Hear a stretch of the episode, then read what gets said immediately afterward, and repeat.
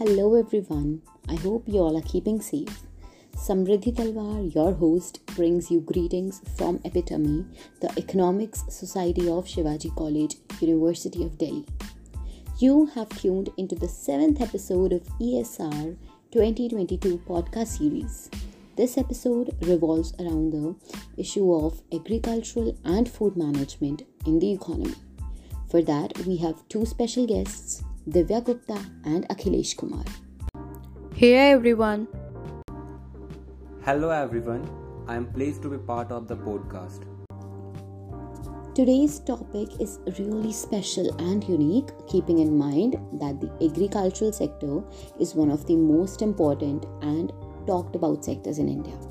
As India is an agrarian country and majorly depends on its agriculture and allied sectors for revenue and employment, Divya Gupta, would you like to add something more to this? Yes, you are right, Samriddhi. Agriculture is the primary source of livelihood for about 58% of India's population. Gross value added by agriculture, forestry, and fishing was estimated at around rupees 19.48 lakh crore in financial year 2020 and that is huge yes uh, that is but what exactly is making agriculture such a big sector in india? Any specific reasons for that? The causes are various. The most basic is the suitable climatic condition of the indian subcontinent. This became possible due to good monsoon and various government measures to enhance credit availability, improve investments, create market facilities, promote infrastructure, development in the agriculture sector, and increase the provision of quality input to the sector. Right, uh, India is blessed with pleasant weather that helps farmers to raise crops. So, how exactly has the GVA in agriculture been raised? or decreased in India because India enjoys such a pleasant weather? The share of agriculture and allied sector in total GVA, that is gross value added, has improved to 20.2% in last year and 18.8 the current year. However, gross capital formation, that is GCF, in the agriculture sector relative to GVA in the sector had shown a fluctuating trend. This fluctuation is mainly because of wide fluctuations in private investment in agriculture and allied sectors. The public investment has remained stable between 2 to 3% over the years. The private investment has fluctuated and the total agriculture GCF has moved in sync with fluctuation in private investment. But this situation can get better off by providing higher access to concessional institutional credit to farmers and greater participation of the private corporate sector, whose investment rates are currently as low as 2 to 3% in agriculture. Also, India enjoys the Kharif, Rabi, and Zaid season that allows a variety of crops to exist and hence a reason for India's diverse cropping pattern. That's true, and compound annual growth rates, known as CAGR, have grown significantly for crops like paddy and edible oils. With India being one of the major oilseeds growing countries, the oilseed production in India has grown by almost 43% over the last half decade. We had heard a very famous term MSP. Someone would like to elaborate on it? Agriculture in India is a risky job as there may be drought, may be flood or any other ways which lead to destruction of crop. Thereby, to protect the farmer, the government of India had come up with the concept of MSP, that is minimum support price, declared by the Department of Agriculture and Cooperation, is a form of market intervention by the government of India to ensure agriculture producer against any sharp fall in farm prices. Here, the government announced minimum price at the time of showing of sets seek to ensure remunerative price to the growers for their produce with a value of higher investment and production and thereby safeguard the interest of consumer by making available supplies at reasonable prices. it's a great step taken by the government uh, to protect the farmers. But is there any other way through which farmers can be protected? Yes, there is a way. Farmers should adopt crop diversification techniques that would help farming households to spread production and economic risk over a broader range of crops. Crop diversification is growing more than one crop in an area. Commonly, it means adding more crops to an existing rotation. Diversification can be accomplished by adding a new crop species or different variety, or by changing the cropping system currently in use.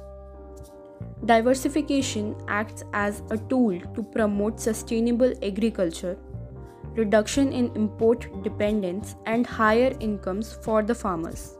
What a great technique. Uh, this would definitely help farmers lower their economic risk. Okay, then we know that agriculture has always been a low margin business activity. So, how can farmers raise their income? Yes, that is a very true statement. Farming has always been a low margin business. Farming's operating profit margin ratio is negative indicating that farmers are not able to cover accrual expenses, depreciation, and unpaid family and operator labor. The average operating profit margin ratio of farms was 11.3%. In contrast, the average operating profit margin ratio of farms in the top profit margin quartile is 21.8%. For farms that were in the top quartile during the 2010 to 2014 and 2015 to 2019 periods, the average profit margin was 24.4%. Based on the results, in this paper, farms are encouraged to use an operating profit margin ratio of at least 20% as per their benchmark. Then, why do people still look at it as an employment opportunity? C. Agriculture and allied activities continue to be a major source of employment in India because manufacturing industries have not developed to the desired extent in India. This has largely been due to faulty economic policies that have deterred the emergence of labor intensive manufacturing firms in India. For example, in India, Labor laws make it very difficult to discipline or dismiss workers even if they do not work properly. Such laws have deterred industries from employing a large number of people for fear that such people cannot be dismissed even if they are redundant. But I have a doubt if it has such a margin, then how do small and marginal farmers still manage to invest money in next year's crops? See, if we talk about big farmer, they do have that money, but small and marginal farmer don't have enough money. Therefore, to support small farmer, the government is providing agriculture credit to farmer.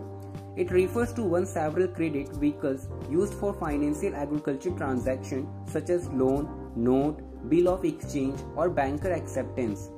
The government is working hard to provide credit facilities during the last year that is 2021 the agriculture credit flow for the year was more than 15 lakh crore, while for 2022 it has been fixed 16 lakh crore has been disturbed. Well, thanks Akhilesh for this lovely information. It's not just agriculture, it's agriculture and the allied sector. So please someone enlighten me on this and what this statement means. Yeah, sure. See, there are some of the activities that are directly or indirectly dependent on the activity of agriculture. These activities include dairy, poultry, cattle rearing, fishing, forestry, animal husbandry, etc. And their contribution has been significant and growing over the years. The livestock sector is an important subsector of agriculture in the Indian economy. It grew at a CAGR of 8.15% during 2014 15 to 2019 20.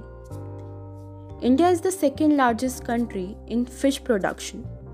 the whole world is not dependent on our country for agriculture products but also on allied sector products.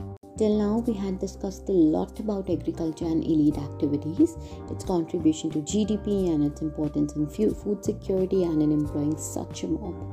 So, this concludes the statement that we need to develop our agricultural sector for the growth of our nation.